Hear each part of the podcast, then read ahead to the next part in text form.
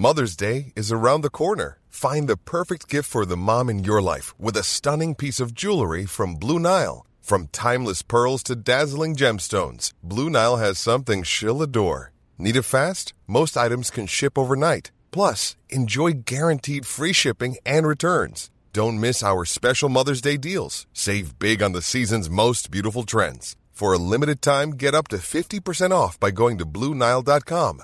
That's BlueNile.com.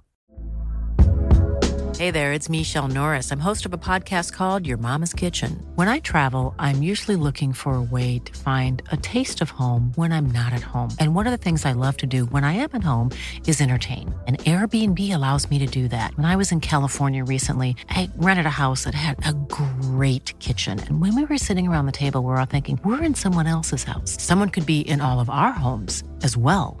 If you have a home, but you're not always at home, you have an Airbnb. Your home might be worth more than you think. Find out how much at airbnb.com/slash host. Hey, it's Danny Pellegrino from Everything Iconic. Ready to upgrade your style game without blowing your budget? Check out Quince. They've got all the good stuff shirts and polos, activewear, and fine leather goods, all at 50 to 80% less than other high end brands. And the best part? They're all about safe, ethical, and responsible manufacturing. Get that luxury vibe without the luxury price tag. Hit up quince.com slash upgrade for free shipping and 365 day returns on your next order. That's quince.com slash upgrade. Er du klar for pod, Øystein? Veldig glad for pod, Jon Roar. Nå er vi i Studio Sandefjord. Ja, Da- tilbake i hagestua. Ja, tilbake i hagestua. uh, og det er jo veldig mye interessante folk over hele Norge, så vi, uh, å ha gjester i studio, det koser vi oss med. Absolutt. Og nå har vi en lokal kar. Ja, og nå skal vi, nå skal vi eh, både tilbake i tid og, både, og i nåtid, og, og vi elsker jo folk som går all in. Og det, Absolutt. Og som har tanker bak det de gjør. ja, og det her er en sånn all in-pod. Det er det. Ja. Vi kjører på, da. Ja, gjør det.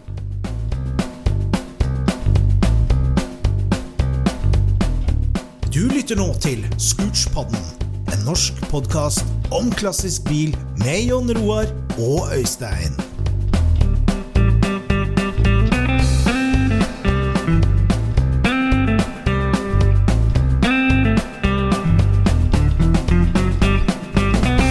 Kjære lytter, velkommen til en ny episode av Scootspodden. I dag så har vi fått med oss en gjest som vi gleder oss til å snakke om. Episoden har vi kalt 'Jakten på oldefars Bugatti'.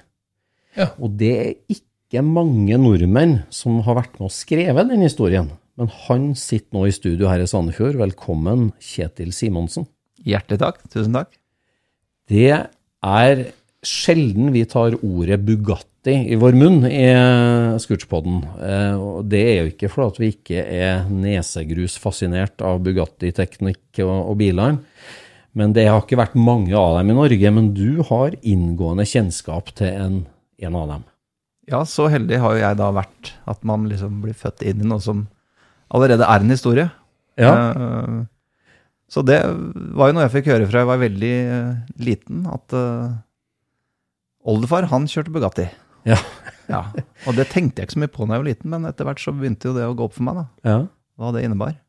Ja, for det, det er ikke mange familier forunt å sitte og bla i familiealbumet at imellom konfirmasjoner og bryllup så er det Bugatti på grusete landeveier, grus, grusveier i Norge. Nei, spesielt. Det er spesielt, for din oldefar, Albert Hovde, han var racerbilkjører og kjøpte seg altså en Bugatti type 35.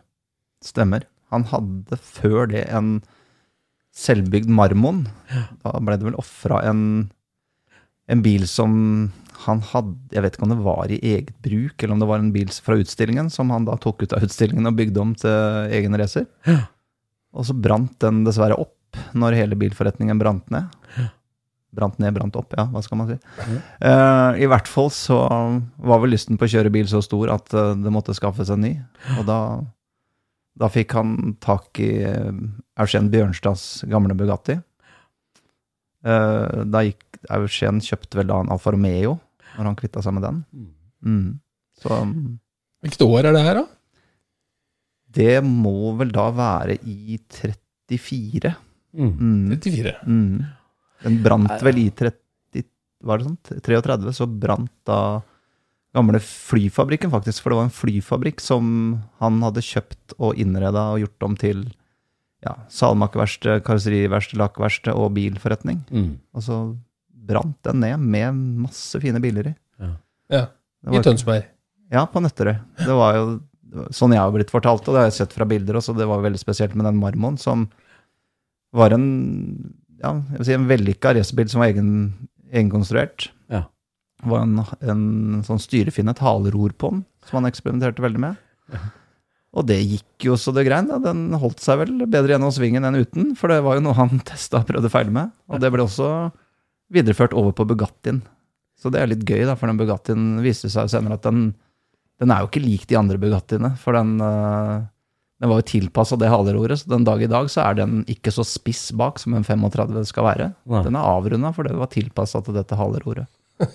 Nei, Det er jo en helt utrolig historie. altså om, fil, eh, Historien om Hovdes Auto AS eh, i, i Tønsberg, som du har i bakgrunnen. Og det er også liksom litt, nesten litt sånn typisk der at du, som du sier, du ubevisst så ble du indoktrinert med, med bil og historien, slektshistorien, fotoalbumene og, og liksom den storyen. Og så ulmer det her litt i barnesinnet, og, og så havner jo du òg helt sikkert i i Lego, Apache-sykkel, mopedrunden. Og så, og, så, og så modnes det, og så plutselig bare shit. Det her er jo en, setter på en skatt i slektsalbumet her, liksom. Jeg, jeg skjønte jo ikke bæret av det når jeg for eksempel til konfirmasjon, så husker jeg fikk av bestemor da en sånn gullklokke, sånn lommeur, som hun var veldig stolt av å gi bort, for inni den hadde hun jo da fått uh, festet noen bilder hvert hos gullsmenn, ikke sant. Så når du åpna den, da, så så du på den flata du åpna, der var det bilde av Marmon. Ja. Eh, fotografi av den, og så på den andre flata så var det da Bugattien med oldefar som kjørte begge to. Og det, det, var, det sa jo ikke meg, ga ikke meg så mye når jeg var eh, stor informasjon, liksom. Det var ja, ja. Og så, så ettertida så bare Det er jo helt unikt å ha det. Eh, Ja, og det, og det sier jo litt om hvor viktig det der var for din bestemor òg, å levere den ja, hun, armen hun, videre. hun liksom. levde den historien. Det hun kunne om bil, det var jo helt utrolig. Altså historiene hennes om Bugattien og ulike kunder som han hadde solgt um, Altså, han hadde agenturer på Det var vel Nash til å begynne med, Citroën, Ja. eh, Marmon, Ja. eh, Fiat. Hun hadde inngående kunnskap om de forskjellige modellene, og veldig opptatt av, av design. Ja. Så det var, det var jo noe han Han tegna jo mange biler. Ja. Uh, det er veldig mange tegninger vi har som er er pene linjer, altså. Fine biler. Ja, altså han, han var jo, har jo Vi har bladd litt i bøker sammen og sett litt på de bildene og, og tegningene som finnes, og det er jo Han var jo altså, han var jo, Albert Hovde var jo åpenbart en veldig god forretningsmann. Han bygde jo et stort selskap. Han var en flink racerkjører, racersjåfør. Han var jo veldig opptatt av design og estetikk. Det ser de modellene han lagde og alt det her, og, og også en, en grepa ingeniør, en, eller konstruktør, får vi si. Så han var jo det var jo virkelig interessant stoff. eh, Ja, det var jo mange patenter. altså Jeg har ikke helt øh, skjønt hva alle disse patentene var, men en av de som jeg tror gjorde det best, som han solgte til Jeg tror veldig mange bilverksteder i Norge hadde, og det var altså solgt til Amerika. Så det var patentert der. Det var et apparat for å måle bremseeffekten på alle fire hjula. Ja. Det solgte bra. Ja, det, Eh, men det ble jo problemer etter hvert å opprettholde alle disse patentene. Ja. Så det var Det er også noe vi har hatt mye av i kjelleren. Det er jo eh, takstativ. Var veldig tidlig ute med Hovdes takstativ, som var mulig å feste alt mulig på. da. Og det, da ble det lagd reklamebrosjyrer og det ene og det andre. Men det var jo det som virkelig er morsomt å se i ettertid, det er jo de bilene som ble bygd på um, karosseriet og um, ja, fabrikken der nede. ja. Hva skal man si? Det blir jo karosserifabrikk, salmakerverksted, som jeg var innom og sa. Han hadde jo egen egen testbane òg utafor butikken. Ja, det var, det var jo helt unikt. Så han hadde jo lagd en bil selv hvor det var to sett med pedaler og to sett med ratt. Det var jo ikke sånn som ble bestilt. To sett med ratt. Ja, det var to sett med ratt. Så det rattet da han satt og Styrte ved siden av i passasjersetet, så overtok det rattet for det andre. ikke sant? Ok. Og det var jo helt unikt. Jeg vet ikke om det har En form for håndbak, den sterkeste vant. Nei, så når du kjøpte bil hos han da, så var det nede på det jordet, for det var et stort areal på nedsiden av den, um, Ja. av den bilforretningen. Uh, med en stor rundkjøring og et kryss. Ja.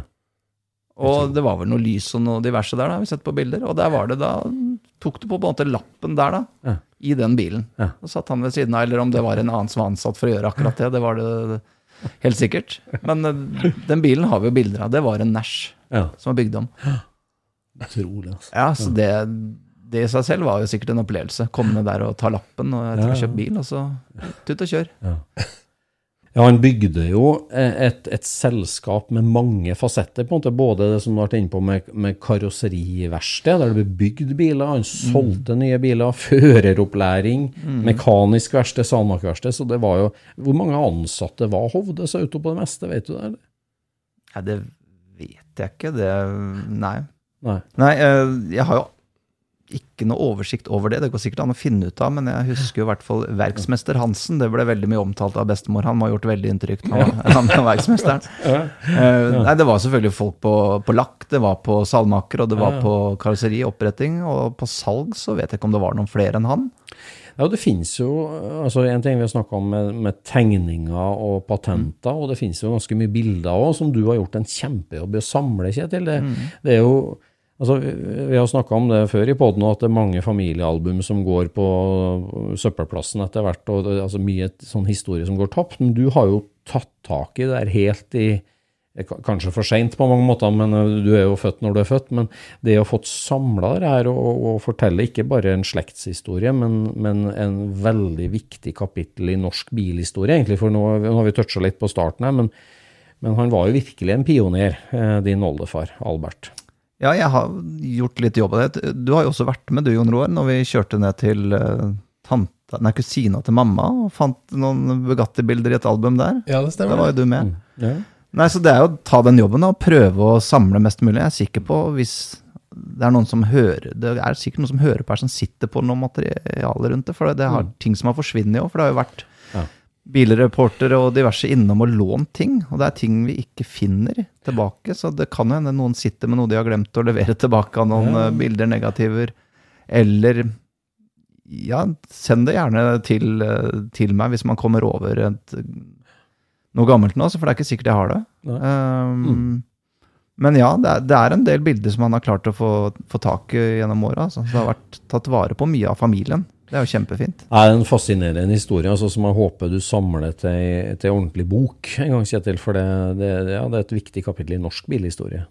Det må bli det, Ja. men det er tida, da, vet du. Det er det, vet du. Han eh, har vel vært eh, heldig og fått samla mye, men jeg tror det er litt mer der ute. Altså, Ja. som jeg, og i Sverige òg, det er det jeg har tenkt at der må det være. For han kjørte jo Mm. race i Sverige, og der blei han veldig populær fort. Altså, det var, jeg husker ikke helt hendelsen det, det var, men det, jeg har en sånn avisutklipp hvor det står Nordmannen Hovde ble genest populær, sto det. Altså, rak, rakbladsmannen, eller noe sånt, Noe kalt han, for han kjørte jo med dette Ja. haleroret, som var så det så ut som et barberblad. Ja, for det er et haleror fra et fly, rett og slett, som sitter bak der. Eller ligner det, i hvert fall. Ja, det gjør det, men det har jo også sin historie da, i at det var en gammel altså Det er jo Norges eneste eh, privateide fly, eller flyfabrikk lå der nede. Det var det han kjøpte. Ja. Eh, så det var jo Norsk Aeroplanfabrikk Ja. som lå der nede. Så han kjøpte jo Det fulgte jo med et fly. Ja.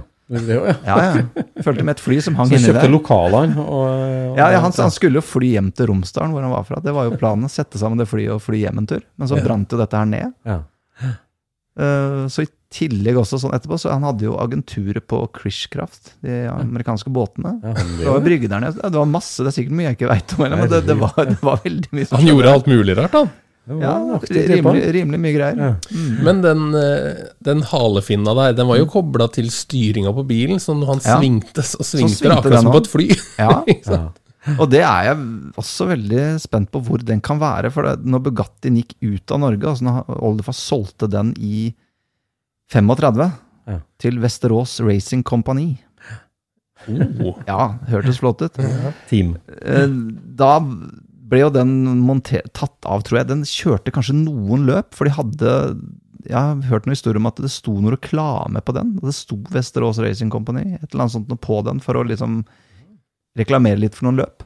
Ja. Og den har jo sikkert ikke blitt destruert helt med en gang, så at, at den kanskje er stabla bort et sted, at noen kan vite det. Ja. Henger på en låvevegg i Vesterås-trakten, kanskje. Ja. Ja. Så opphavet til den, om det er hal- fra et faktisk fly, det kan det jo være. Mm. Har ikke jeg tenkt på så mye som nå, nei. Ja. Jeg hopper, jo litt i historien der, for at uh, når han da fikk lysten på å kjøre bil, så ble det jo den Marmon. Så Marmon var jo en, en uh, gedigen amerikansk luksusbil fra slutten av 20-tallet. En av uh, de, de store, som rekkeåtter, toppventilert kanskje òg, i den. Som, som var en, en svær bil som han rev karosseri av, og bygde, brukte fronten og bygde en sånn litt sånn sigarforma type karosseri på den. Ja, jeg tror det var blankpolert aluminium som var eh, finishen på den. ikke sant? Så den ble kalt Sølvpilen, var det han kalte den. da. Mm. Med det haleroret. Ja. Eh, Den har man jo bilder av, og den gjorde det jo bra. Det er jo var et par hastighetsrekord med den, så tok han vel ja, 31 korketrekkeren. Ja. Så den pokalen har vi hjemme, og den fra 34 med Bugattien. Korketrekkeren i, Ja. i Holmenkollen, ikke sant? Ja. Mm. Ja, for da skjer jo det liksom eh, ganske Nå, har vi jo, nå er vi jo innom mange dimensjoner av norsk bilsport, da, men en av de store pionerene er jo Eugen Bjørnstad, som jo øh, øh, kjøpte hjem den Bugattien fra Italia, gjorde han det? Eller var han eh, Det var fra Frankrike. Fra Men det også er jo en litt artig historie som du sikkert kjenner til, da, med at han eh, Han hadde jo en Bugatti 35, ikke en C, ikke en med kompressor. mm, Han syntes jo ikke dette gikk fort nok.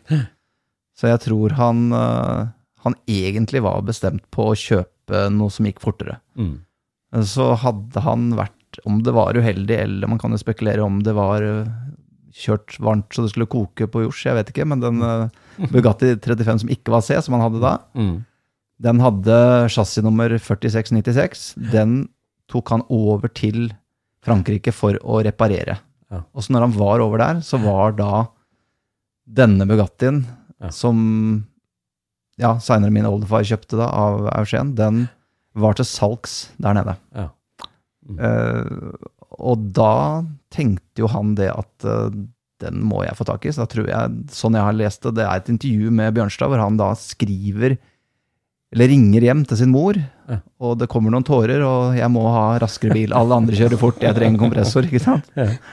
Uh, og da ble det telegrafert over penger, Ja. så han kjøpte da den 35C-en. Men det han da gjorde, det var at han slo inn det gamle rammenummeret og motornummeret. Over da den Ja. Bugatti 40, 4928. Mm. Og da mm, fikk jo det litt problemer siden for den bilen, da, når man skal prøve å finne ut hvilken av Bugattiene det her var. For da han tok den inn til Norge, da, så lurte han jo tollmyndighetene. Han- De trodde det var den gamle bilen. Ja. ja. Veldig kjent triks. Ja, veldig flott triks. 100 år. Ja, og det, det, det ser man jo bilder av i, eh, Ja. i historien til, eh, til den bilen. At når han, dagens eier, da, Walter Rotlaff, Begynner å kikke nærmere etter her, så ser man jo under det etterpåstempla nummeret at det er jo noe under der som man får fram. Så han kjørte jo med den bare i et år eller to, og så kjøpte Albert den bilen eh, i mangel på Eller når Marmon brant. Mm. Og det er jo sånn i, eh, for mange racerførere at liksom det, det må hele tida gå fortere. Det er jo trefotsjuken med bil. Det må gå fortere og fortere. Og så, og så er det jo ikke noe langt kjærlighetsforhold heller. Det er én sesong eller to sesonger, full gass, men utviklinga går jo med rivende hastighet. Det er klart at eh, den Bugattien da, skal vi se, det er vel en 8-29-modell, ikke det? Bygd i 28, ja. Ja, så da var den jo eh, noen år gammel da, eh, allerede når den kom, og det, den higen etter hele tida å kjøre fortere og kjøre fortere, gjør at han, han blir ikke med eieren sin så lenge. Så Albert konkurrerte én sesong, to, eller? Det ble vel egentlig to, men han fikk jo skarlagensfeber slutten av 34, og Ja. da ble han så dårlig at han holdt faktisk på å stryke med. Ja. Så etter det så ble det ikke noe mer bilrace av noe slag. Da la han alle disse tingene på hylla. Ja. Men han hadde jo planer. Ja. Bugattien gikk ikke fort nok, så han hadde jo begynt å jobbe med en egenkonstruert racerbil, som vi har funnet tegninger på. Så var han Det må jo være noe som da gikk enda fortere og bedre Mm. enn Bugattien. Ja. Så den bilen Ser jo veldig spennende ut. Veldig spennende. Ja. Uh, men igjen, da, når han hadde den Bugattien, som alle gjorde på den tida Man eksperimenterte jo med Dette skulle gå fortere, så man har jo Mm. Han hadde jo korrespondanse med Bosch, for han syntes de tennpluggene de smelta for fort, og det var ikke måte på. Det her måtte det gjøres noe nytt. Og, og jeg fikk jo Ofte hørte jeg fra bestemor at det var, det var et skikkelig brøl når den bilen ble starta opp oppe på Jarlsberg. Da hørte man det. Til Ørsnes og ut til Husøy, som det sier jo ikke de som hører på her kanskje nå, men det, det var langt unna. Ja. Eh, men det som var, det jeg hørte hele tida, det var nafta fra Spæren, hørte jeg. Hva, hva i all verden var det, tenkte jeg når jeg vokste opp. Hva? Nafta fra Spæren. Ja. Spæren er jo apoteker i Tønsberg, de var jo omgangsvenner. Og da hadde han litt sånn legesprit. Nafta er vel uh, en form for sånn desinfeksjon, eh, det må jo være det det er. Ja. veldig lett antennelig i hvert fall. Ja. Det ble blanda inn i bensin, og det gikk Sånn, visst noe styggfort og tente fort. ikke sant? Så det, det å kjenne en apoteker, det, det var nok lurt. Dagen, datidens nitro.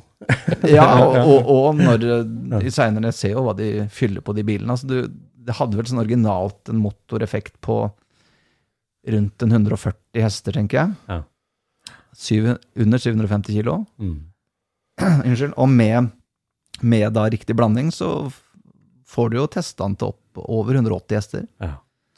Og det er jo ganske mye, da, når man tenker på 100, nei, under 750 kilo. Det er, eh, det er spinkle saker. Ja. Mm. Ja, det er herlig. Så da gikk bilen til Sverige, den eh, 35 C-en.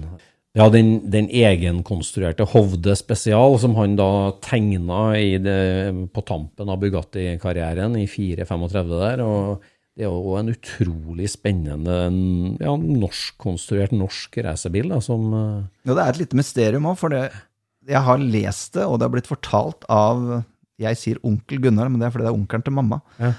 men det er jo sønnen da til Albert Hovde. Han, øh, han sier det at den ble påbegynt. Ja. Den, det, det, sto en, det sto en bil som var påbegynt, et prosjekt, nede i eh, verkstedet der. Så det var vel noe han hadde begynt på da, før han ble øh, for syk, da. Ja. Og de, det må jo ha vært et veldig arbeid med å tenke ut den bilen riktig, for eh, han satt oppe eh, hver bidige kveld og tegna på det, for den siste tegninga vi har på den bilen, den er datert julaften 34. Så da, da, sier, da, da. Da er du interessert. Ja, Da er det dedikert, ja. 24. desember 1934. Ja. Nei, det er veldig spennende tegninger. Vi har sett på dem med, med helt egen styrekonstruksjon og, og øh, strømlinjeform. Så lurer jeg jammen på hva slags motor jeg har tenkt å putte oppi der. Det Altså. må ha vært noe smalt nå. Ja, og det det, det må ha vært, vært noe sikkert kompressormater, noe helt spesielt noe. i hvert fall. Han måtte jo hatt noe tanker om det òg, tenker jeg. Altså, bare størrelsesmessig. Altså, skal det romme en åtter eller en firer, og hvor brei en liksom. Men at han tenkte vekt på den bilen, det er jo helt klart. Helt at alt skulle være lett. For det er vel alt av styringsenheter og sånn var pianostrenger som Ja, skulle være for å få ned vekta. Ja, Det står beskrevet i uh... helt spesiell sak. Men det er klart, han, han var jo helt sikkert Han hadde tatt med seg noe fra Tyskland. Vet du. Han hadde vært nede på um, verdensutstillingen, det veit vi jo. Mm. Og hva han har sett der og blitt inspirert av, det må jo være Mm. Ja, for det ser jo ut som 30-40 år nyere Bonneville-racere, egentlig. Det det. Det er det Til å være tegna på 30-tallet. Den er veldig moderne for sin tid, det vil jeg virkelig si. Altså. Ja, Så spennende design. Utrolig spennende design. Han var, han var en framtenkende fyr, altså. Virkelig. Det var noe så din mormor da vokste jo opp med, he, med han som far og hele greia, og, og bar arven videre til deg, og ja, din mor òg, som òg er mm. interessert. Altså, jeg tok det jo litt sånn på Jeg syntes det her var veldig gøy at bestemor var så bilinteressert. Så jeg husker jo når jeg var Ja, hva var jeg da, tro? Var jeg 20 år eller noe? En god kamerat hadde, hadde klart å få seg drømmebilen. Det var en Porsche 911 Turbo. Ja. Og når jeg lånte den, det første jeg gjorde da, det var at jeg kjørte ned og henta bestemor og tok henne med på en tur. Hva, hva gammel var hun da, tror jeg? Var hun noen og 70, ja. Og opp og ned Bryggeribakken da, i Tønsberg. Ga på ganske godt. Og jeg husker når satt henne av, så var det helt sånn elektrisk ikke til å Det var jo som å kjøre flyvemaskin! det var, det, det. Så, så jeg hadde litt i tankene med det, da. Men det er jo det er veldig gøy at det er, det er den veien man har arva det ned. Det er jo, ja. Utrolig gøy. Men så når det her modnes hos deg, da, så Bilinteressa øh, får jo full øh, grobunn, da, på en måte med støtte av bestemor og alle sammen. Um, og så øh, Da er jo vi glad for at du styrer mot folkevogn, for du, du, din egen bilinteresse den materialiserer seg i form i retning folkevogn. Hvorfor skjedde det? Ja, det var vel Herbie. det begynte det det- vel der. Ja, det var jo Herbie i alle barnebursdager, og det var det det gikk i. Og så husker jeg når man begynte å leke i barnehagen, så var det et kjempetriks å ha en hvit sånn plastikkboble som man tegna 53 på. Så jeg tror jeg, jeg har den hjemme, men da har jeg skrevet feil, for da sto det 35. med, med rød og blå stripe. For det trikset da var at du kunne jo gjøre alt. Du kunne bare si til han ja, men her kan jeg fly, jeg kan kjøre sånn fort, jeg kan kjøre under vann. Altså, alt gikk jo med Herbie. det. Nei, det er, men det er vel noe med designet, da. Jeg syns jo det er noe uslåelig med det eh, Ferdinand og Ervin Comenda har kommet opp med. Det er eh, Nei, man blir forelska i det designet. Ja, Så første bilen jeg hadde, var en 54-modell boble. 54, ja. Mm. ja Starta tidlig. Mm. Med tidlig. Ja, for design, sier du, og design og, og, og estetikk, grafikk, det, det ble jo ditt levebrød òg, og, Mm. og du valgte å utdanne deg, så det, det er jo et kvalitetsstempel på folkevogna at du omfavner det sånn. For da, men det ble jo folkevognbuss, ikke sant? Hvordan eh, Ja, det ble jo etter hvert uh, surfe-skate-passion, da, som uh, Ja, boble er jo, har jo alltid vært, uh, vært uh, surfe-hippie-bil, det men bussen er vel det ultimate. Og det er sånn når man dro på tur, det var jo tur, turbilen, ikke sant. mm. Nei, jeg starta jo sammen en god kompis et firma, Norway Longboards. Ja. Uh, fordi jeg hadde drevet med både surfing og skating, han hadde drevet med skating. Og så når man blir litt, litt eldre, så ikke man har lyst til å knekke alle, alle bein i kroppen, så var longboarding, altså skateboard-longboarding, det var jo fin måte å, å skate på, da. For det er ikke så mye triksing, det er mer cruise, fart. Og det ultimate bilen til å fronte det firmaet på, med, det er jo en folkevognbuss. Det, det skjønte jeg. Men altså mange vil jo, mange skatere vil tenke ok, longboards er kult, men det å starte et eget longboard-produsentfirma, da, det, var, det er jo ikke helt vanlig det, eller? Jeg tror det, det, det var, timinga var jo det at det hadde en sånn uh, ny vår, den der longboard-biten. da. Da hadde liksom begynt med noen kjente merker, loaded litt forskjellig, som kom opp og frem, og vi så det ble populært. Da tenkte vi, hva kan det være så Vanskelig. vanskelig å Ja, han hadde da begynt veldig med foto. Det var jo sånn jeg ble kjent med han, Vegard, som han heter. Ja. Giskaug. Vi møttes jo på fotostudiet. Ja. Um, da tenkte vi det, da, at med litt grafisk kunnskap og fotokunnskap, så kunne vi jo lage det her sammen. Jeg tror det er hovedgener, jeg.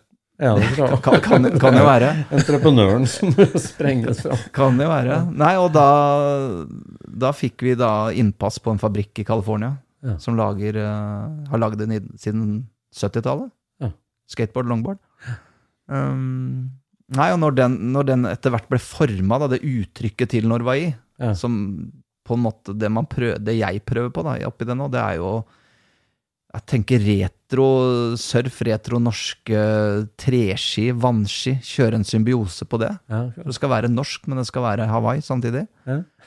Eh, nei, og da, da, var det et eller annet som bare passa når jeg lukket øynene og så for meg den bilen. Ja. Så um, logoen hadde man jo, og ja, fargene begynte å komme etter hvert. Uh, men så var det en ting som skjedde underveis da, med denne store bilen, som jeg kaller det. Jeg sier store for det, det er også en liten bil, bil inne i bildet her. Uh, kom over et karosseri på eBay. Jeg hadde jo sett sånne mini- eller gokart-karosseri av folkevognbuss før, men jeg hadde aldri sett noen som ikke hadde sidevinner, men som var da panel van. ja. Um, da tok jeg kontakt med, med han som la det ut, og skjønte at det her var vel det siste han hadde, så det kjøpte jeg med en gang. ja. Uh, det kom det en kjempestor eske levert på døra en uke etterpå. Det så ut som det kom en elefant. det Pakka inn så ikke der skulle knuse. ja men bygde du den store bilen eller lille bilen Nei, da holdt, jeg, da holdt jeg på med den store, men Ja. den var jo ikke mer enn uh, Jeg hadde tatt, uh, kommet ned til metallet, Ja. sandblåst og holdt på rundt, så lagt på, um, lagt på epoksygrunning. Ja. Da fikk jeg jo da den lille, og da tenkte jeg hvorfor ikke da bare kjøre den helt ut på den lille og gjøre sånn som jeg hadde tenkt med den store, Ja. for å se om det, om det ble bra. Ja. Og da følte jeg vel egentlig at det, det stemte med farvekombinasjon og med logo og med ja, alt unntatt felger, egentlig, for det ombestemte jeg meg etter hvert på. Ja. Ikke Whiteside. Ville ha litt mer racing look. Ja. Men, så det var egentlig litt fint da, at jeg kom over det lille prosjektet, for da kunne jeg jo bryte opp litt og få litt pause på hva ble det da, et halvt eller nesten et år, tror jeg. Men når en lille. eh, grafisk designer bestemmer seg for å bygge en firmabil for å fronte et firma, mm. da skal det jo tenkes. Og det tenkes mye. Ikke sant? Ja, det gjør jo det, da. Det visuelle er jo viktig. Det er en yrkesskade man har, da. Du tegna den bilen et par ganger før du bygde den lille òg, tror jeg. Ja, man gjorde jo det. Satt i Illustrator og Photoshop og lekte og mekka og holdt på fram og tilbake. Og det er klart eh, Når man er heldig og kan de verktøyene der, da, så er jo det veldig, veldig, veldig fint. For man får jo testa det ut veldig, rett og slett. Ja.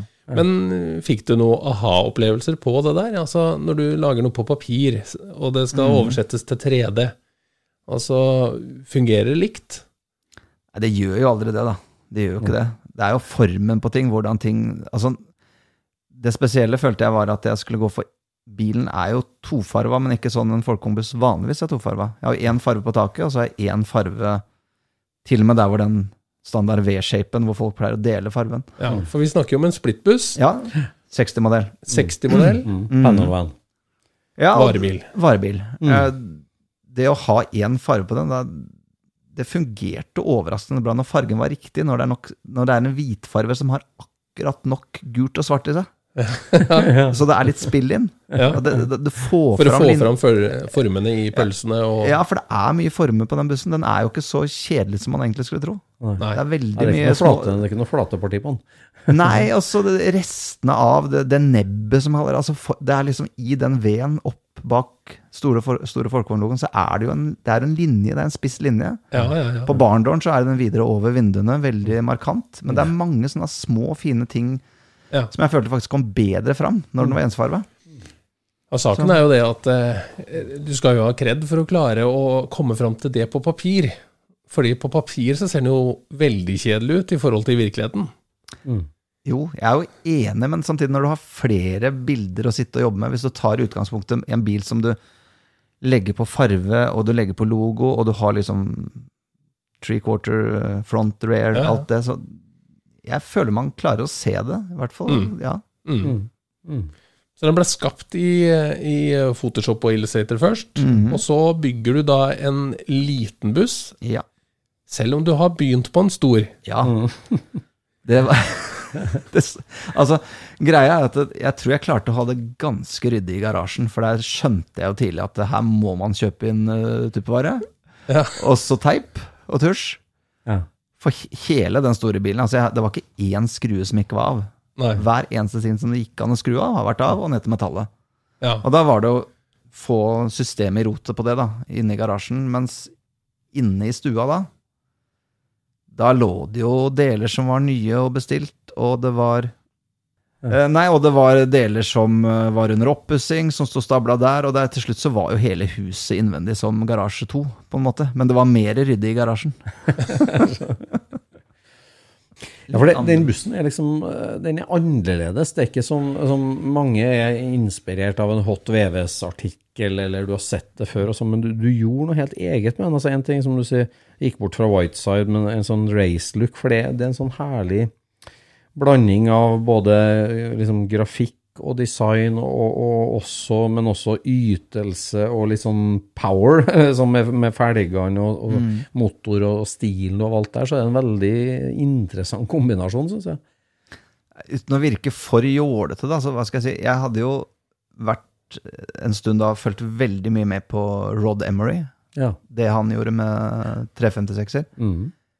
Eh, sånn farvemessig Ja. så ble jeg veldig inspirert av det å ha mørke felger. Sammen med Magnus Walker, kjørte mye det. Ja. Tanken var jo veldig fort, og jeg hadde tegna da Illustrator en uh, versjon av hans Porsche 277 Ja. som folkevognbuss. Ja. Ja. If Magnus Walker had a splitty. ja. Ja. Eh, hadde veldig lyst til å gjøre det, Ja. men det igjen, det var jo ikke da å fronte firma. Nei. Nei. Uh, nei, så det å få inn litt racing-look på det, det, det var jo fordi jeg følte at man, når man kan ta litt Porsche inn i den bilen, Ja. så må man jo det, Ja. hvis man har mulighet. Ja. Eh, og så er det vel å banne litt i kirken når man velger da å lakkere fuksfelgene i Tesla Sonic Carbon, og sammen med motoren. Men når farven er riktig, da mener det visuelle må nå gå foran, ikke sant? Ja, ja. Ja, det, der er jo, det er jo risikosport å prøve å blande inn alt det der. Liksom Hawaii og logo og firmabil og racing og sånn, men det, du har landa utrolig delikat på det der. Altså, Mange takk, mange takk. Veldig, Så vil jeg også si at det er et stort eh, innslag av Nordic Clean. ja. Ja, det er jo less is more. Ja. Ja, det er jo litt det. Mm. Men igjen, etter hvert når man har hatt bil nå, da, i noen år på veien, så får man litt lyst til å sprite opp litt til. Men det er det å holde det så lavt at ikke det blir for mye. Så jeg har jo noen tanker om hva jeg ønsker mer på bilen. Og jeg pleier å si nei, nei, nei, vent litt til. Jeg vet, jeg vet, jeg vet. Men det er ganske nære nå at det er noen små, Ja, ja, ja. bitte små forandringer. Ja. Alle må bare få se en så kul han som han er nå, og så versjon to, så blir alle glad. Ikke sant? Ja, den, den er clean. Den skal, den skal få bli clean, altså. Det er, det er bare noen sånne bitte små detaljer. Det må til. Ja. Ja. Men eh, altså, den mekkinga og jobben med å gjøre det, hva, gjorde du mesteparten sjøl, eller? Jeg gjorde så mye jeg kunne hjemme i egen garasje, eh, men jeg kunne jo veldig lite om det å skru bil. Jeg begynte på det, så jeg var prisgitt at jeg hadde gode venner som kunne både skru på motor, og som var biloppretter, og som var lakkerer. Altså jeg hadde jo Det at jeg kjente en billakkerer så godt som jeg gjorde, det, det gjorde at jeg turte å liksom gå ned til metallet på hele bilen. Ja. Og det er jo det jeg sier jeg er mest fornøyd med at jeg turte å gjøre Ja. og bestemme meg for det. For da, jeg tenker hvis jeg skulle legge så mye tid, energi og penger i en bil, og så ikke vite hva som er innerst, Mm. det turte jeg ikke. Ja. Så da ville jeg se metall overalt, og det har jeg gjort. Du gjorde det? Ja. Jeg mener det er ikke et sted jeg ikke har vært eh, av med originallakken og grunning og har lagt på epoksy. Det her var jo et prosjekt som hadde stoppa oppe hos Ja. eh, Underberg bil. Som hadde gjort en enorm sveisejobb på, Mm. på bilen i forkant av at du kjøpte den. Stemmer det? Så det var jo veldig lite rust igjen, hvis noe. Nei, det var, det var ikke noe rust igjen. Det var jo, jeg kjøpte jo bilen da av Robert Hayosi. Han mm. hadde jo Mm. Han hadde jo begynt på det prosjektet, og så stoppa det litt opp der. Jeg er ikke helt sikker på hvorfor de gjorde det, men det også var jo en grunn til at eh, jeg gikk for akkurat den bilen. Det var jo at den var til salgs så nære, og at Carl Fredrik sa til meg at eh, Mm. deler det skal du få, og, hjelp skal du få her oppe. Ja. Og jeg kjøpte jo bilen også en periode jeg var veldig syk, så det, var- det blei jo terapi for meg, det her. Mm. Ja. Med, med den bilen. Og det at det var så nære at jeg faktisk kunne kjøre opp og se på den bilen sammen med mamma. Ja. Eh, At ikke det var i en, en tur til Oslo eller Stavanger for å se på bilen, det var jo avgjørende. Så det, når alt det Klaffa. falt lokalt, da var det shake hands med Carl Fredrik Ja. der oppe. Ja. Men det må jo ha vært et voldsomt eh, leap of faith. og liksom Du har ikke skrudd mye bil før.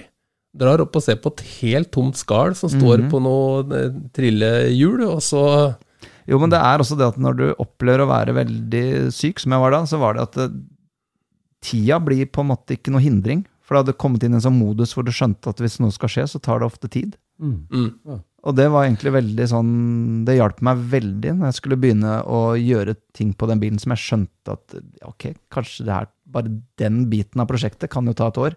Ja. Uh, Det var bare å gi opp litt det med å tenke tid. Bare Ja, for sånn som den bilen står, det kan jo skremme vannet av en frisk person. Mm, mhm. Men, men du så at eh, jeg har så mye tid, og det kan få lov å ta tid. Så dette Jo, her er altså, greit. det er kjempefint å ha en passion for noe, så du forsvinner jo helt inn i din egen verden, og det var helt nødvendig. Mm. Så det å gå Fikk noe å tenke på. Fikk noe å tenke på. Altså, for å ta det opp, da. Jeg hadde jo Jeg var da diagnostisert med ME. Så jeg var jo helt tom for energi. Jeg, hadde, jeg orka ingenting. ikke sant? Jeg var helt, Det å gå en tur ned til vannet opp igjen, det er vel en Mm. 300 meter fra huset mitt. Da kunne jeg ligge på sofaen i et par dager. jeg. Mm. Ja. Sov ikke, orka ingenting. Alt var helt Og da mener jeg det er ikke ikke orke som i ikke gidde. Det var helt fullstendig tappa. Mm. Uh, og masse hodepine og masse dritt. Men eh, det å gå ut da, ha på noen ganger radio med radiovinyl eller gammel, eh, gammel type musikk. Ikke, noe, ikke noe opptempo og bråk. Ja. Og sitte da og gnikke på én del, liksom. Det var jo, og det tok hele kvelden. Det var jo helt, helt herlig. Være ja. helt egen verden der inne. Ja. Ja. Så det å sitte da etter hvert med oss, selv om det var støy, da, sitte og samblåse deler, det var helt, helt helt magi. Ja. Og da gikk det jo sakte, men sikkert. da Jobba det der rundt, ikke sant. Mm. Og så var det jo gode venner da som hjalp til, ikke sant, og kom ut og, og bidro. Og det var i hvert fall helt, eh, helt nødvendig når det kommer til sveising og sånn, som jeg ikke da Jeg har enda ikke prøvd å sveise. Så det, det var jo flaks at jeg kjøpte bilen når den var rustsveisa. Ja, ja. Mm. Så det var en ordentlig terapi, rett og slett, i gammel bil. Det, Det var det. Viktig måte. Virkelig. Ja. Virkelig Hvor lang tid tok det da for å være ferdig? Det var vel fem år. Fem år. Mm. Altså det er den lille gokartbilen inn i bildet der òg. Ja. Det ble fire og et Og da kom du ut av ME-tunnelen nå, eller på de fem årene? Ja, mot slutten der så hadde det begynt å lysne veldig, ja. Mm. Det var eh, Det var ca. seks-syv år ja, før det løsna, så ja. Mm. Mm. Ja, det har blitt en fantastisk bil. Men jeg tenker at eh, det var vel omtrent oppi den der perioden at, at liksom du, du fikk den hva skal jeg si, kallet og besettelsen at du skulle finne oldefars Bugatti. Mm. Og, og, og, og det ble jo et, et nytt sidespor med, med masse passion, forskning, tid, leiting, jaging. For da, da hadde jo jeg skal jeg si, bilhistorien, slektshistorien og den utrolig spennende Bugatti-historien ulma og modna veldig hos deg, og du bestemte deg for at nå skal du ut og finne den bilen. Ja, det modna jo bare mer og mer jeg jobba med den Folkvognbussen. Ja, selv om det altså. er to vidt forskjellige ting. For det kan Ja, jo ikke sammenlignes med den billigste bilen Volkswagen solgte på den tida, med en Nei. Bugattien kosta vel 140 000 franc, Ja. den var ny. ja. Eh, det tror jeg var veldig mye penger på den tida. Ja, ja.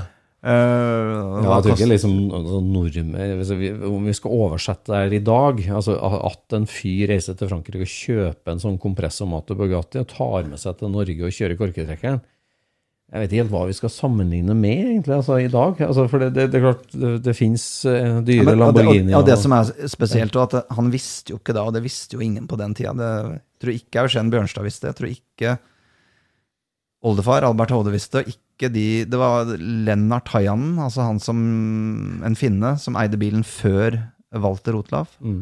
Han fant jo ut via og disse chassisnumrene. Da begynte han å komme inn på at han trodde det var 4928, Ja. som jo er Divo-bilen. Det vil si at Albert Divo kjørte denne bilen i 1929 eh, for Bugatti Race Team i Targa Florio. Mm. Så Bugatti stilte til start med det var, De bygde vel fem, nå er jeg litt usikker på om alle fem stilte til start for Bugatti Race Team, men det Mm. La oss anta at det var fem og ikke fire. Mm. Eh, de var jo spesielle, de òg. Det er jo ikke, ikke en vanlig 35C som stiller til start der. For Bugatti Race Team-bilene de hadde to tankpåfyllinger Mm. for at det skulle gå fortere å fylle tanken. Ja. Eh, og et par andre småting òg. Sånn at det, når i tillegg bilen vinner sitt aller første løp den stiller i, Mm. med Albert Divo, som jo Mm. Er en legendarisk kjører for Bugatti. Det er den siste, en av de siste Bugattiene som har blitt laga nå, det er jo Divo, Mm. Bugatti Divo. Ja. Mm.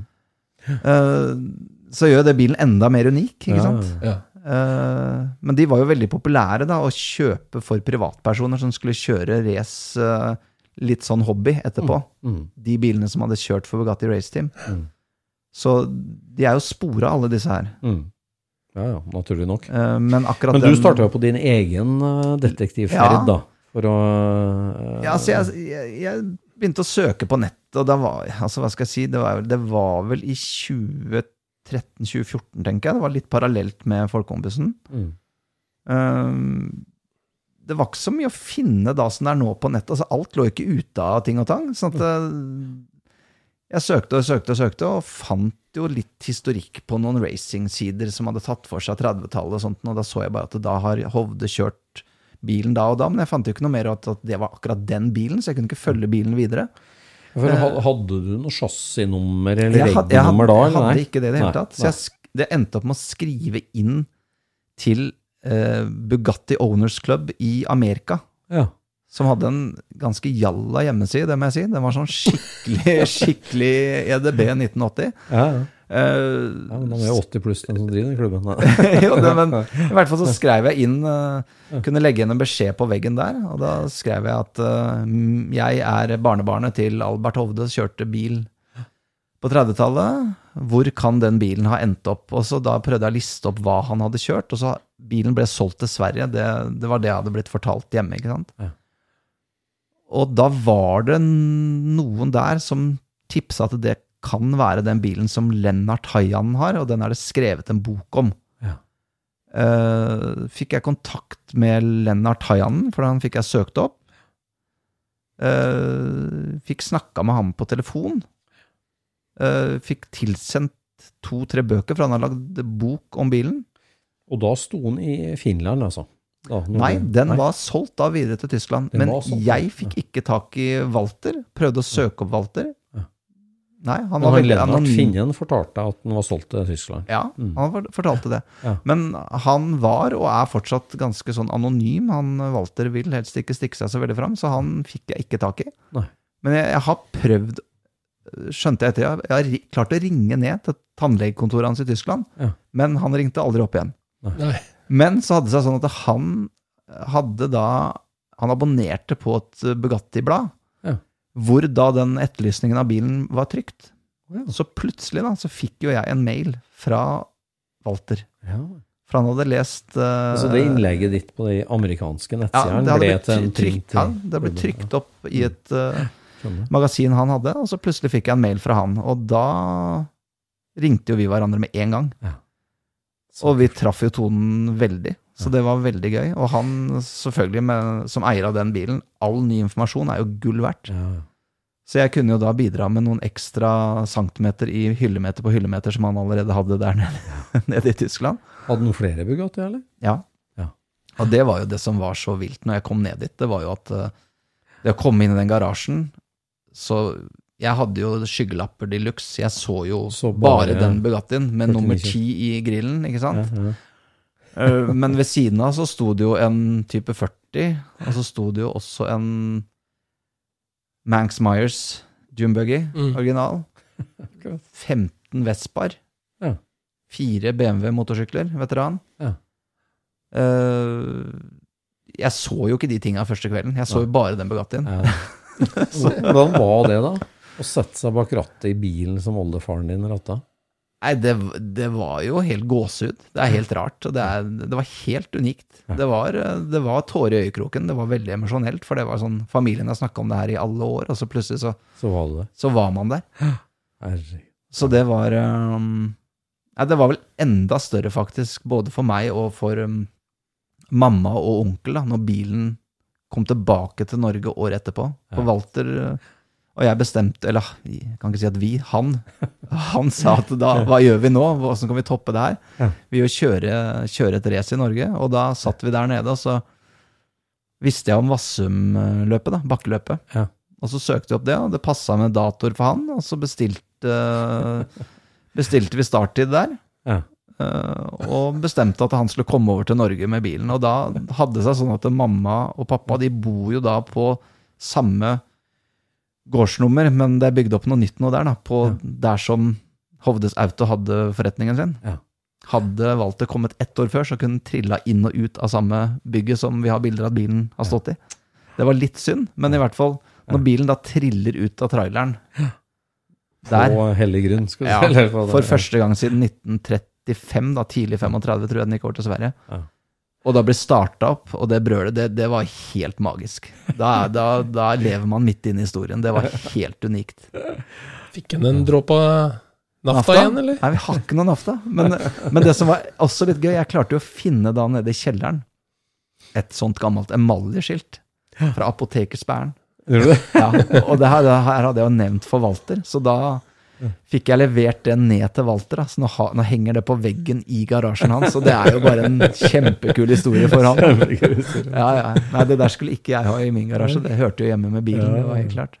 Du hadde vel med deg et sånt eh, Hovde karosserifabrikkskilt òg, det ikke det den heter? Walter? Jo, det er jo, det er jo mest prestisjefulle borejobben jeg har gjort i hele mitt liv. Det, det var jo Jeg lurer på om det var første kvelden når jeg kom ned, og vi hadde vært og sett på bilen, og så satt vi oppe ved et stort middagsbord, og jeg hadde med masse A2-print av bilen som han aldri hadde sett før. Fra Jarlsberg, eh, løp på Jarlsberg, hvor bilen står ved siden av Alfa Romeoen til Widengren. Ja. Det også er et ikonisk bilde som jeg gjerne skulle rekonstruert ved at de to bilene hadde møtt hverandre i dag. da, ja, ja. Stått på startstreken. For det er jo en Jeg tror det er en danske som eier den Alfa Romeoen i dag. I hvert fall var det det for noen år siden. Ja, for det var den som Eugen Bjørnstad kjøpte etterpå, ikke det? Det tror jeg ikke oh, det var. At det var den samme. Nei. Nei, den her var vel blå med gule tre striper på. Okay. Svensken Widengren. Um, Ja, Nei, jeg tror Bjørnstad hadde Bugatti, nei, Bugatti Alfa Romeo samtidig. Ja. En annen en. Um, ja, og så hadde jeg jo selvfølgelig med dyrebar last. Jeg satt jo på hele flyturen på fanget i, eh, i en liten ryggsekk, så hadde jeg jo pokalen fra førstepremie på korketrekkeren. Hadde det. Og hjelmen som oldefar kjørte bilrace med. Den hadde mamma da sittet og restaurert litt med å forsterke noen sømmer og sånt. nå. Det var jo en sånn jage, jagerflyhjelm fra første verdenskrig, en tysk en.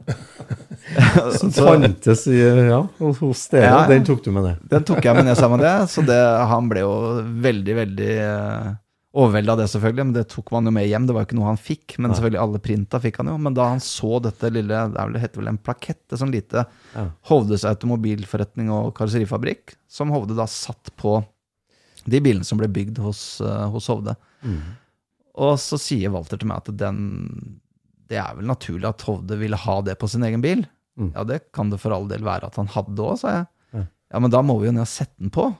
Og så kommer vi ned i garasjen der, og jeg, eller verkstedet, da, så begynner jeg å se etter teip og borrelås og tenke ut åssen vi skal få på det, og så plutselig står han der med drillen, og så Vi skal jo, Sette på. skal jo sette på.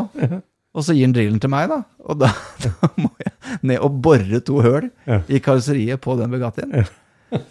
Og poppe på det her. Og det var Selvfølgelig ble det gjort bak reservehjulet, så det syns ikke utafra, men når man sitter inni, så har man jo Ja. Ja, det var ganske ærefylt oppdrag, altså. Å bore, bore det. Det var dyrt metall. Men altså, bilen i dag er jo helt herlig patinert. Eh, altså originalstand er jo ikke riktig å si, på en måte. Altså, Hun er veldig autentisk, for den har jo levd et, et, et langt og hardt liv, på en måte, med mange dekorer og forskjellig, men den er jo helt fantastisk tilstand i dag. Ja, og Måten de har klart å få fram det på, er jo helt unikt. De har jo sett på gamle bilder og sett på andre Bugattier som da sikkert har eh, kjørt x antall race og vært med på litt av hvert. Mm. Eh, og fått fram da den slitte gamle blåfarven, ikke sant, som Mm. du er slitt litt imellom. Eh, men den, har, den var jo dyp rød når oldefar kjørte den. Han lakkerte den jo dyp rød. Ja, det var det. Så det var noen rester av noe dyp rødt der, og så er det en litt morsom ting. Det er jo også en, en flenge i aluminiumen bak høyre bakhjul. Mhm. Og det er fra at den falt av uh, lastebiltransporten når oldefar eh, kjørte over til Sverige for å kjøre et race. Jeg tror det var i Falun.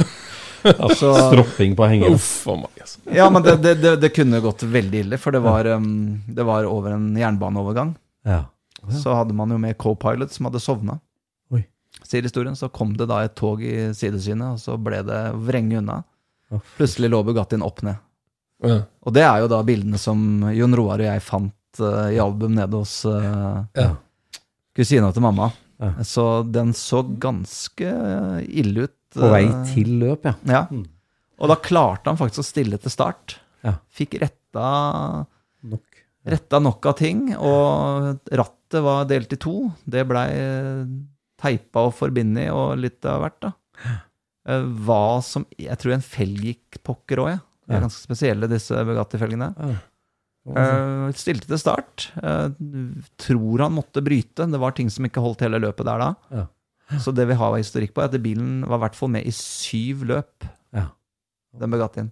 Mm. Han vant tre, og så var det en annenplass, en tredjeplass, og did not finish på, på resten. Um, Og så kom han tilbake og kjørte Vassumløpet 2014-15? Nei, det dette ble fortelle, 2018. 2018. Mm. men du må jo fortelle hvor, om hvordan dere kom inn på Dere kjørte opp til korketrekkeren, gjorde dere ikke det? Jo, det òg var jo Ja, det var bra, bra ikke Lan Marie var til stede, for det jeg tror ikke, det, jeg tror ikke man skal kjøre i korketrekkeren i det hele tatt med bil nå, men vi, Nei. vi rygga jo ned korketrekkeren et stykke fra Frognerseteren Ja. for å prøve å gjenskape litt av den magien og frese opp der. Ja. Eh, For Walter var helt med på det her. han, var helt, det han var helt med. Så det var jo kjempegøy. Men eh, altså det som tyskere også syns er veldig gøy, det er jo elgskilt i Norge. Så vi stoppa vel ved alle elgskilt vi så, tok bilde av bilen. Ja, for han Men- kjørte den rundt på hjula her i Norge, da? Altså. Ja, det, det var det som var helt vilt. Altså, den kom jo på, på tilhenger, Ja. på trailer. Og så når vi skulle inn til Frognerseteren, Ja. så um, sitter jeg på da, som co-pilot inn der. Og Fra Tønsberg. fra Tønsberg inn til Kork... eh, Ja, helt inn til Frognerseteren. Kjøre E18. E18. Og for å si det sånn, vi lå ikke i sinkefeltet. Nei. Vi kjørte forbi mer enn jeg hadde turt å kjøre forbi. Og vi var oppe i 140 x antall ganger. Og den følelsen av å ligge og flise forbi deg med en pilothjelm fra første verdenskrig og det, det var så mange som ga på og kjørte etter oss og prøvde å filme, og skjønte så vel ikke hva det her var for noe. Så Eh, men man, eh, altså man føler altså Den fartsopplevelsen av å være oppe i 140 med lufttrykket rett i kjeften, liksom. Og så sitte, sitte da ned og justere lufttrykket på bensintilførsel, for det var en sånn viktig oppgave jeg hadde. Ikke under 50 bar, og så ikke over 150. Akkurat. Og så skal du sitte og justere på den da, Ja. underveis. For å få bensintrykk. Ja, det skulle være helt riktig derfor det skulle gå optimalt. Så det var en nøye innføring på det i forkant. Da sitter du der som en sånn der liten Ludvig fra Flåklypa, og så sitter du og justerer, kikker ned og kikker opp. Jeg følte jeg var helt inne i, i Flåklypa der, altså. Det var kjempegøy. Og så satt mamma på hjem, da, deler av hjemturen, og fikk eh, samme opplevelsen der sånn, og det, var, eh, det tror jeg også var veldig stort. Ja. Så ja. Stort forvalter òg, for dagens Ja, ja. Nei, det var helt eh, Jeg tror det Eller jeg vet det var et viktig kapittel i bilens eh, Ja. I bilens historie, som da kom til liv igjen. For um, i den boka han har lagd om bilen, så ble det da et nytt lite kapittel. da. Mm, Så det er veldig gøy å se. veldig artig. Så jeg tror det blei ble et vennskap for livet, det der. Vi har jo kontakt. Det er jo kjempegøy. Kjempegøy. Men når dere var borte og kjørte dette bakkeløpet, da, var, det- var det ikke litt rart at det plutselig dukka opp en tysker, da? Jo, det var jo det. Han ble jo selvfølgelig veldig godt uh, mottatt av den Vassum-gjengen, da. Ja. Mm. Så ja, hva skal man si? Det, det var jo Jeg syns jo selvfølgelig det var det morsomste å se på alle som kjørte opp der. For det å se sånn uh, grus bli kasta veggimellom av en så gammel bil, det er jo helt, helt, helt unikt. Og den lyden, ikke sant. Det er, hva er det eksosanlegget? Det er, det er, jeg tror det er lagd av kobber. Ja, det er det. Det er helt unik lyd. ja. Den derre dybden og det brølet der sånn, når det kommer rundt svingen det var jeg, altså jeg, som jo er fotograf og grafisk designer, da, med kamera da jeg, jeg lå jo nedi grusen og fikk vel noe grus inn i objektivet og i trynet. og nei, det, Jeg ofra alt da for å få, for å få det her til å bli fanga. du har jo tatt noen fantastiske bilder av den bilen opp igjennom, da. Ja. Jo, det så Både heldig i er man. Tyskland òg. Ja, Ja. Ja, det var jo den første kjøreturen med bilen. Det var jo helt unikt. Det var, det var da på um, Ammersee, heter det utafor uh, München. Veldig flott landlig, litt sånn tyroleraktig sted med masse bøkeskog, ikke sant, og veier han var lommekjente på. Mm. Og for meg, da, som ikke visste hva som var bak neste sving eller bakketopp, Mm. og der var han Der kjørte han verre enn han gjorde på E18, altså. Og det, det, det var Altså, jeg, jeg tuller ikke. Jeg tenkte at eh, dør jeg nå, så er det en utrolig god historie for de som kommer etterpå. For jeg var sikker på at det her kom til å gå gærent. Ja, ja, det var helt altså, det rundt Altså, veien Det er som en norsk vei. Tenk deg når, ja, når vi kjørte SS Supersinic, da. Noen av de veiene der, en sånn bredde, og så er det bare åker og trær på hver side, sånn flekkevis imellom. Du kommer inn og ut av lys og mørke. Og han kjente denne veien kjempegodt. Ja, det var, det var et sug i magen som var ti ganger verre enn Tusenfryd. Altså. Det, var, ja, det var helt vilt. Men kjører en del historisk racing med bilen, eller? Ja, han har kjørt um, På Goodwood han har vært tre ganger. Jeg var veldig heldig og ble bedt med i 2019, var det det? Eller var- nei, var det 2018, nei, 2020, tror jeg det var. 2019 eller 2020. Siste gang før det var korona. Ja. Da ble jeg bedt med ned Ja. i Goodwood. Det var tredje gangen han var der. Ja. Eh, så har han kjørt det ikke- Paris-Dakar, men Paris-Peking. Ja. Det racet der har han kjørt et par ganger. Ja. Ikke med den bilen, da. Nei. Det er med annen, eh, en annen Bugatti. Ja. Men eh, den Bugattien her har kjørt eh, Goodwood tre ganger. ja. Utrolig. Og han har vært over i England med bilen på noe Bugatti-treff og kjørt noen orienteringsløp der, og i Frankrike, selvfølgelig. Den blir værende hos han. Ja. Sønnen hans får jo opplæring nå og kjører jo bilen. Ja. Så den kommer nok til å bli værende. Høres ut som du har fått eh, rett eier, da. Ja. Ja, for all del. Helt riktig eier. Altså Det som var også helt unikt, det var jo å se da all historikken han hadde gått. Altså snakk om å være dedikert. Eh, jeg var jo så fascinert over hyllemeter på hyllemeter på hyllemeter med korrespondanse mellom Bugatti-fabrikken og alle tidligere eiere. For så fort det skjedde noe med én del, så er det jo sånn med Bugatti at eh, jeg tror nesten alle de viktigste delene er nummerert. Så man kan spore de. ikke sant? Girkasse, diverse koblinger, alt eh, på motoren. Altså egne nummer på det. Så du kan spore alt. Så Walter har samla det der hele livet den hadde først i Frankrike, og, og Norge, Sverige, Finland. Ja, og alle de tidligere eiere da, som har måttet skrive ned til Bugatti-fabrikken og få tilsendt en del som skulle repareres, og når de har sendt ned og reparert eller tilsendt helt ny del, så har det bytta ut eh, i registeret, ikke sant? Så alt det her hadde han, men det som var mest imponerende, da, det var jo når han sa snu deg og se om du kjenner igjen det som er på veggen bak. Så henger en sånn flott innramma sak på veggen. Uh, så går jeg nærmere og ser på, så står det Albert Divo, og så står det Targa Florio. Ja.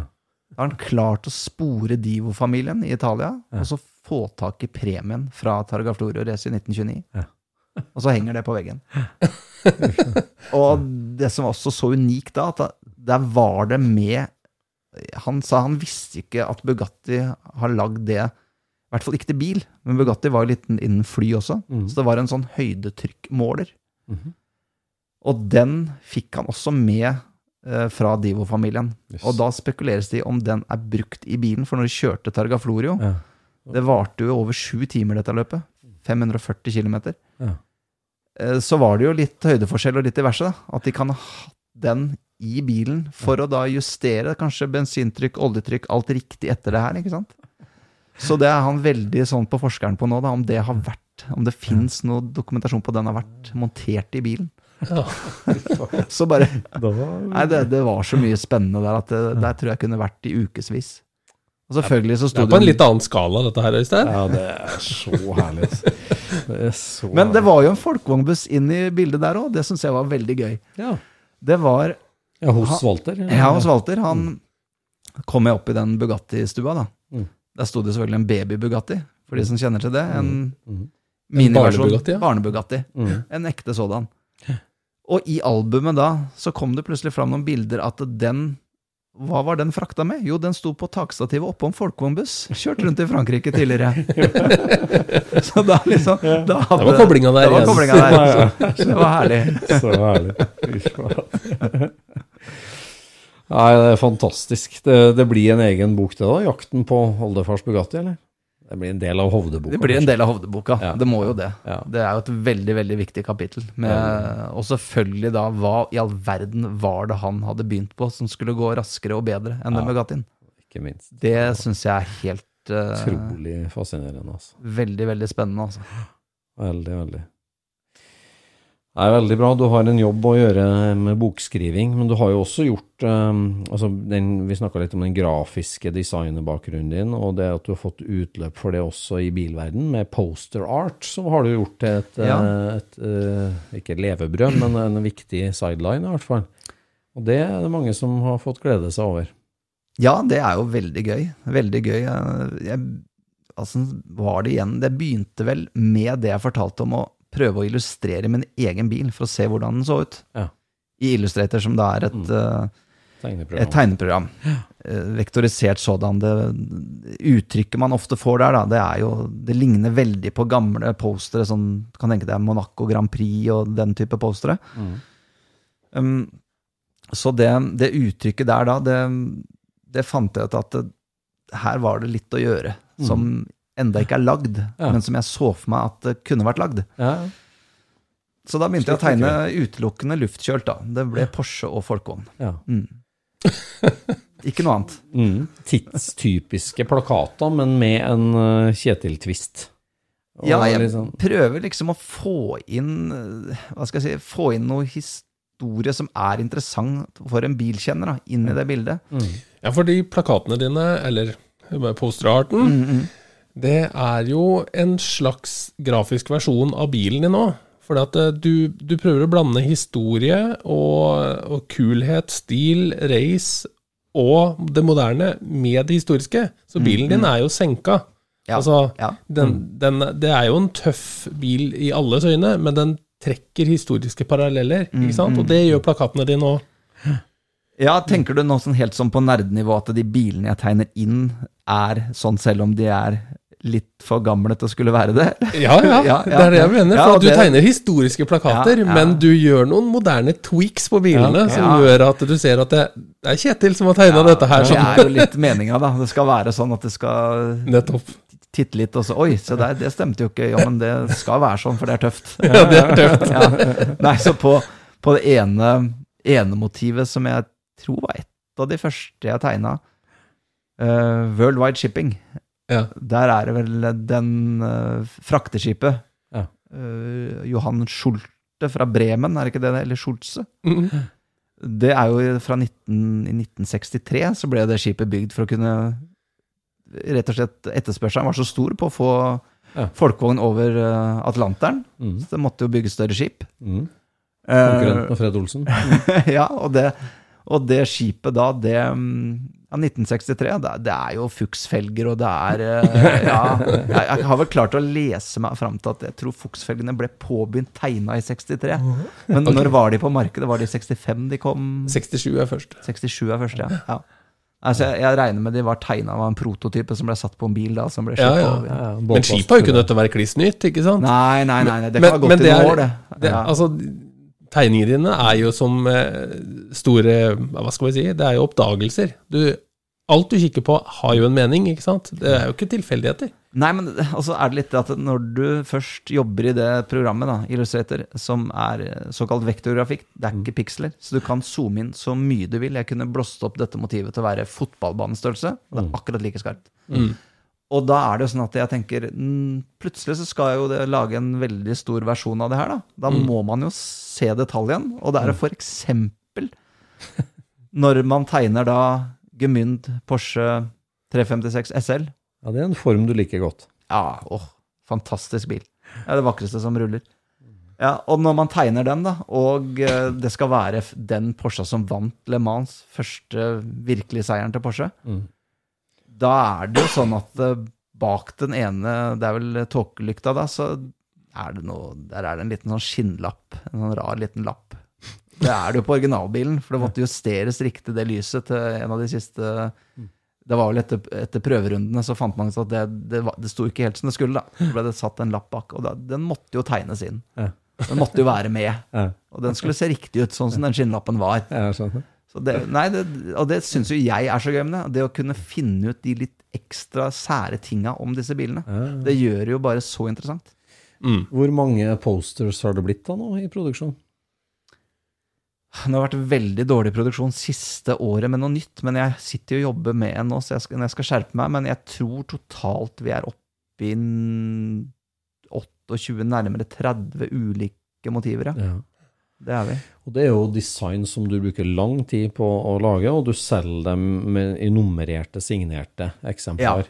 Sant? Mm. De som er i størrelse 70 til 100, de, eh, de er nummerert opp til 100, og så størrelsen over som er eh, 100-140, og enda større som er 110-160, der er det bare 30. Ja, Opp til 30. ja, Og det, det får holde. Det skal jo være litt gøy her. ja. Ja. Nei, de er utrolig lekre, altså. Ja, virkelig. Mange takk, mange takk. Og jeg vet eh, du, du har jo hatt en spesiell kunde på, på en av dem. Du, du nevnte jo Magnus Walker eh, i splittbuss-variant 277. Stemmer, stemmer. For, for, for den, altså Magnus Walker, mange kjenner jo han som Porsche-legenden, kan du si. På The veggen Urban hans. Urban Outlaw. Urban ja. Outlaw, på veggen hans i warehousen i LA, så henger din plakat, rett og slett. To sånne av mine henger der. Ja, Selvfølgelig hvor han er eh, modell, eller bilen hans, og Ja. han er motiv. utrolig kult. Ja, nei, Det er jo det er klart, det varmer jo hjertet, det. At, Ja. han, uh, at det henger der. Ja, Det, det er jo kjempegøy. ja det er Ja, og det, det var jo Når jeg tegna da den som jeg nevnte, If Magnus Walker Had a Splitty, Mhm. Det var jo bare kjempegøy å sitte og tulle med det her og tegne karikaturen av han, for han er jo en veldig lett å karikere figur, da. Med det rasta-håret og den litt eh, på gata-stilen, ikke sant. Ja. Men når den var tegna, så Jeg tror jeg tagga han på Instagram, som det jo heter. Når du liksom ja, det var sånn, ja. ja. tagger med Urban Outlaw og Magnus Walker, så la jeg den ut på egen Instagram-side. Og så plutselig så hadde jo han fanga opp det her og omtalt det, og da lagde han jo tegnekonkurranse og det ene og det andre, så alle kunne sende inn. Så det ble liksom litt sånn Det skjedde litt rundt akkurat den biten der, da. Ja, så kult. Eh, og da begynte jo folk eh, Ja, du, du må bygge den bilen Ja. til Magnus Walker. Oh, ja. Og det var kjempegøy å høre at folk ja. Den bilen må jo lages. Det var artig. Og da var det altså en som tok kontakt med meg. Og det, ja, hvis du skaffer en buss, så kan vi lage den med de, med de numrene på folie og sånn og sånn. Det var ikke noe vanskelig, det, da. Um, men eh, det blei jo ikke det, da. Det blei jo en Norway Longboards panelvan. Ja. Men, um, og da blei det jo ikke Urban Outlaw, da blei det Aloha Outlaw. For det må jo være en egen outlaw-stil på, på surfestilen. Ja, ja. Men nei, det, det, tilbake til Magnus Walker, det var jo selvfølgelig veldig gøy, da. At, Ja, han, eh, at han har de der. Nei, det der Hovde-genet, det, det slår hardt i deg. Sånn med å gjøre ting stort og gjøre ting grundig og, og gjøre noe spennende. Hvordan går salget av longboards, da? Nei, det går litt opp og ned. Det er jojo-effekt, altså. Ja. Det der er plutselig skal alle ha, og så da skal naboen ha, og nabogutten der og nabojenta der. Ja. Og så plutselig er det veldig stille. Uh, men det, det, det kommer og går, og jeg tror litt sånn den sparkesykkelbølgen som har vært over, eh, Ja. over oss, den har vært litt skadelig for skateboard og longboard. Ja. For det, du kan jo gi den sparkesykkelen til en unge, og det kan han jo lære, eller hun lære seg på Ja. fem minutter. ikke sant? Mm. Skateboard er jo knall og fall, og det tar litt tid. Men Ja, du var jo eh, med med Aloha Outlawn på Super Scenic-turen vår her i våres, med, med både longboards og buss og alt sammen. Det var det var artig å se deg i aksjon, Kjetil. takk. Nei, det var en kjempefin tur. Takk for dere som arrangerer. Det var veldig gøy. Det ga Så er det jo artig å høre den 356-motoren eh, bak i den bussen med Sebring-eksos og Mm. Ja, Ja, lyden er jo veldig mye av den opplevelsen med den bilen. Ja. Virkelig. Nydelig. Ja. Og det er virkelig fint bygget der, med skinninteriør og tight gears bak, og ja, ja, det dobbel arm, forstilling og bakstilling, skive rund baut. Ja, nei, det, den sitter på veien. Så godt som den som en sånn splittbuss kan gjøre, vil jeg tro. Det er sikkert noen andre som har lagd tilsvarende understell. Jeg har jo sett noe i Brasil som ikke akkurat er Red Nine, men som ligner. Ja. Det fins sikkert uh, mange andre busser man kunne kjørt om kapp med sånn ligger litt klistra, men det er gøy, altså. Det er gøy med, med buss å kjøre sånn. Det er gøy.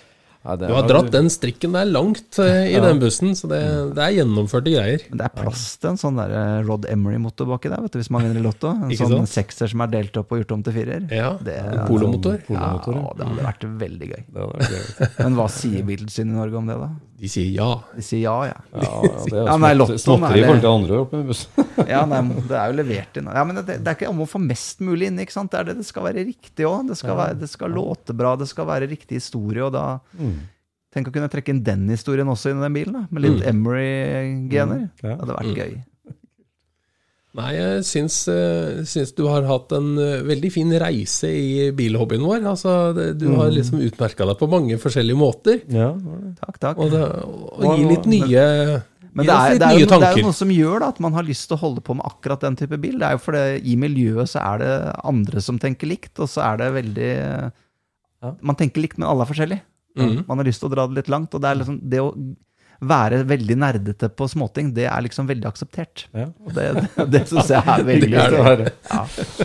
Hva er det liksom på horisonten nå for Kjetil Simonsen? Altså, hva, hva tenker du på framover nå? Liksom, er det noen nye bilprosjekt? Eller du snakka om plakater du jobber Eller posters? Ja, Poster er jo helt klart det jobber man med, men med bilen så ja, Faktisk så er det Det at man har lagd den gokarten, det er jo liksom mini. Mm. Men mini-mini Ja. Jeg har jo en 1-10 eh, RC-bil ja.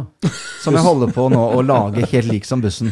Gjør du det? Ja, ja. Tripp Tapp Tresko. ja og den lille Altså, gokarten, den har jo takstativ og uh, et eh, junior longboard på taket. Ja. Jeg holder på med takstativ til den uh, RC-bil. store, bussen, Ja. først og fremst. Men jeg er veldig usikker på om det er riktig look til bilen. Ja. Liksom, på den lille var det riktig, litt usikker på den store. Mm. Um, men den bitte lille, Ja. der er det kjøpt inn et longboard allerede, som er påbegynt, uh, det er ferdigspikka, liksom. Og der skal det være Det skal se likt ut som de andre, og så skal det være takstativ, og den skal bli så identisk det går, da, med de to andre bussene. Så det, det er jo et eh, mer lavbudsjettbilprosjekt, da. Så inntil det er noe Lotto eller noe annet morsomt som skjer, så tror jeg det, det, det blir med å ha den. Det er en keeper, den for meg, den bussen, da. Ja, den er keeper, det, ja. Men det er klart, vinner man i Lotto, så er det mye rart man skulle hatt i garasjen. For eksempel. For eksempel sånn som du har. 356-en. Ja, Ja, ja. ja. Nei, det er jo Nei, det er fantastisk. Det er hyggelig, det. Nei, det var veldig hyggelig at du svingte innom Scootspoden, Kjetil. Og, og det her er jo fantastiske historier, både Bugattien i seg sjøl og din oldefar og din egen historie veldig artig. Så her er det mye Vi gleder oss til boka kommer. Takk. Da har jeg to kjøpere, i hvert fall. Ja. Veldig hyggelig. Tusen takk for besøket. Tusen takk for meg. Veldig hyggelig. Takk for besøket. Takk. Scootchpoden produseres av SSE Media, med god hjelp av VV Norge og Trond Dahl for hosting, Knut Micaelsen for musikk. Abonner på Scootchpod via podcaster eller Acast, og følg Scootchpod på Instagram og se det vi snakker om. Der kan du også komme med kommentarer og innspill, og fortelle oss hva du vil høre om.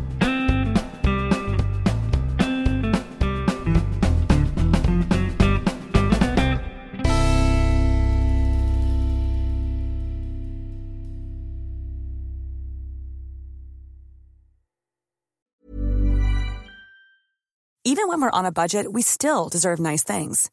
Quince is a place to scoop up stunning high-end goods for 50 to 80% less than similar brands. They have buttery soft cashmere sweaters starting at $50, luxurious Italian leather bags, and so much more. Plus, Quince only works with factories that use safe, ethical, and responsible manufacturing.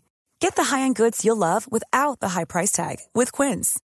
Go to quince.com slash style for free shipping and 365-day returns. Mom deserves the best, and there's no better place to shop for Mother's Day than Whole Foods Market. They're your destination for unbeatable savings, from premium gifts to show-stopping flowers and irresistible desserts. Start by saving 33% with Prime on all body care and candles. Then get a 15-stem bunch of tulips for just $9.99 each with Prime. Round out Mom's menu with festive rosé, irresistible berry chantilly cake, and more special treats. Come celebrate Mother's Day at Whole Foods Market.